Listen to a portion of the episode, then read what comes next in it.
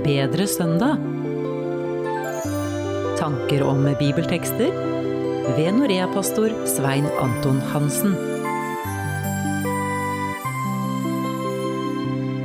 Noen og enhver kan kjenne seg igjen i det her med å bli misforstått, eller til og med oppleve å ikke bli tatt på alvor. Heldigvis så skjer jo ikke det for ofte, men som kristne kan vi være utsatt for at noen blir mer skeptisk til oss og ikke tar det vi sier og står for, opp i beste mening. Vel, skulle vi oppleve det, da er vi likevel i godt selskap med både døperen Johannes og Jesus sjøl. Begge opplevde dem at samtida ikke forsto hva som var deres gudgitte oppdrag. Både omvendelsesforkynnelsen, men også det gode budskapet i evangeliet, ble ikke akseptert, slik som det fortjente å bli tatt imot. I starten av kapittel 11 hos Matteus forklarer Jesus hvem døperen Johannes er, og hva hans oppdrag gikk ut på. Så uttaler Jesus noen setninger som ved hjelp av bilder forklarer hvordan disse to forkynnernes bots- og evangelieforkynnelse blir misforstått og avvist. Dette leser vi om i Matteus kapittel 11, vers 16-19. Men hvem skal jeg da ligne denne slekt med? Den ligner små barn som sitter på torgene og roper til sine lekekamerater. Vi spilte på fløyte for dere, men dere ville ikke danse. Vi sang klagesanger, men dere ville ikke gråte. For Johannes, han kom og han verken åt eller drakk, og de sier, han er besatt av en ond ånd. Menneskesønnen kom, han spiser og drikker, og de sier, Se for en storheter og vindrikker, tolleres og synderes venn. Men visdommen er rettferdiggjort av sine barn. Med dette uttrykket 'denne slekt' i vers 16, så tenker Jesus på sin egen samtid. Andre steder hos evangelisten så leser vi at Jesus kunne være enda mer direkte i sin omtale av jødene. De blir beskrevet både som en ond og utro slekt og en vantro slekt. Mange av Jesus samtidig hadde verken lyst eller evne til å forstå hvem Jesus var, og hva han var kommet for å gjøre. Det samme gjaldt deres manglende forståelse overfor døperen Johannes. Jesus fortsetter med å spørre hvem han skal sammenligne denne slekt med. De sammenlignes med lekende barn som ikke forstår den leiken de er med på. Vanligvis når Jesus snakker om barn, så er det i positive vendinger, blant annet det gode ved å bli som barn igjen. Men her, når poenget er hva vi forstår eller ikke, blir barn et bilde på det å misforstå, samt mangelen på evne og lyst til å ta imot budskapet fra Gud sjøl. Barn leker. Ja, de kan leke og dramatisere alt fra bryllup til begravelse. Kanskje helst det første, da. Men så har leken liksom gått litt i stå for ungene. De vil verken leke det som gjør dem glade, og langt fra det som de opplever som trist. Denne tosidige leiken uttrykker Jesus med følgende lignelse. Vi spilte på fløyte for dere, men dere ville ikke danse. Vi sang klagesanger, men dere ville ikke gråte. Når Jesus her sier vi, så tenker han både på seg sjøl men også døperen Johannes. Mens døperens oppdrag var å holde den alvorlige omvendelsespreikena. Så kom Jesus sjøl med evangeliet, de gode nyhetene om Guds tilgivelse overfor syndere. Men likevel, begge typer forkynnelse ble avvist av samtida. Nei, de ville ikke høre verken på døperen eller frelseren. Johannes, han sang klagesanger. Han forkynte et alvorlig budskap slik at folk skulle vende om fra de syndene de fulgte. For å være i bildet, han kalte folket til begravelse, og la viljen til å følge sine egne syndelyster dø og begraves.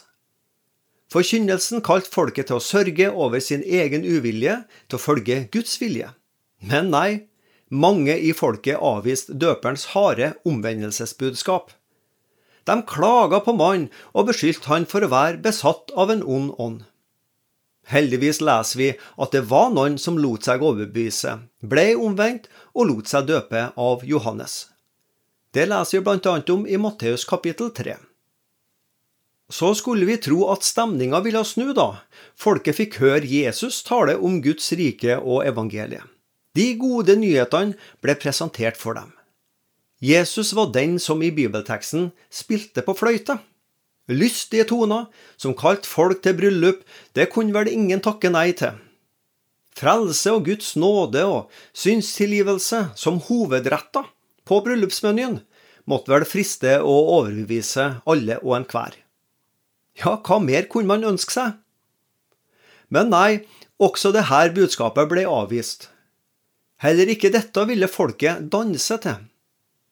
Mens døperen Johannes ble beskyldt for å være besatt, fikk Jesus i stedet høre at han var storeter og vindrikker, tolleres og synderes venn. Vers 19. Kanskje ble Jesu budskap oppfatta som for godt, for raust og inkluderende.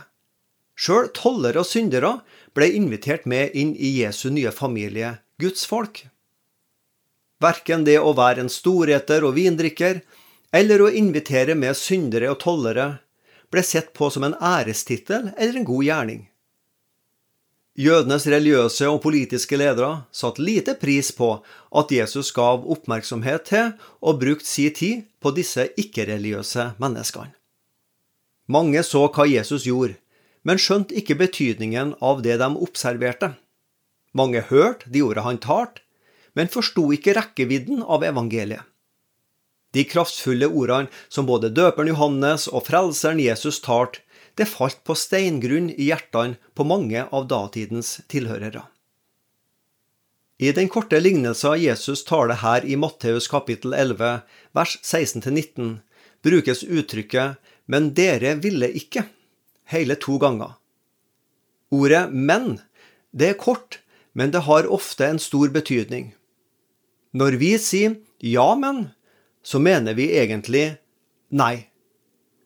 Dette lille ordet det snur en stemning og en situasjon fra håp om et ja til avslag.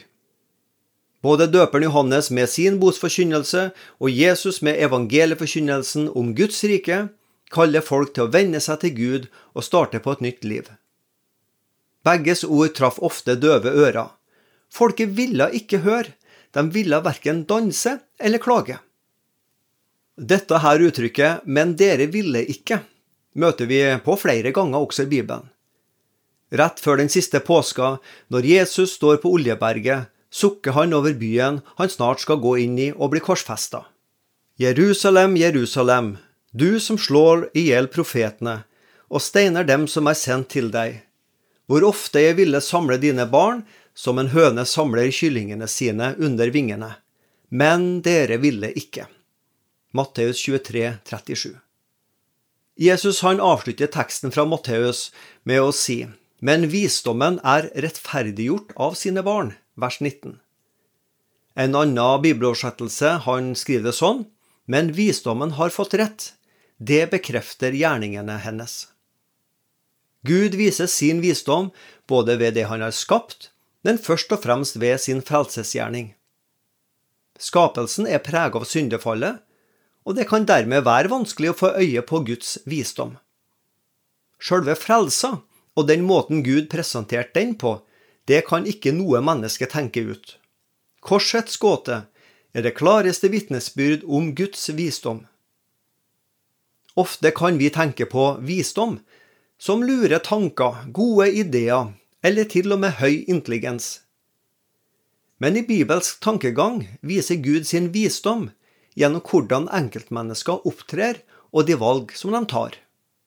Jesus ikke bare har Guds visdom, men mer enn det så er han Guds visdom. Ordene han sa, de gode gjerningene han gjorde, og ikke minst korset og oppstandelsen viser at Jesus var fylt opp 100% av Guds visdom. Så skal vi få del i Guds visdom, trenger vi både å lese Guds ord, samtidig som vi aksepterer Jesu frelsesgjerning som uttrykk for den fullkomne Guds visdom. Du har lyttet til Bedre søndag med Norea-pastor Svein Anton Hansen. Du finner Bedre søndag på noreapastoren.no.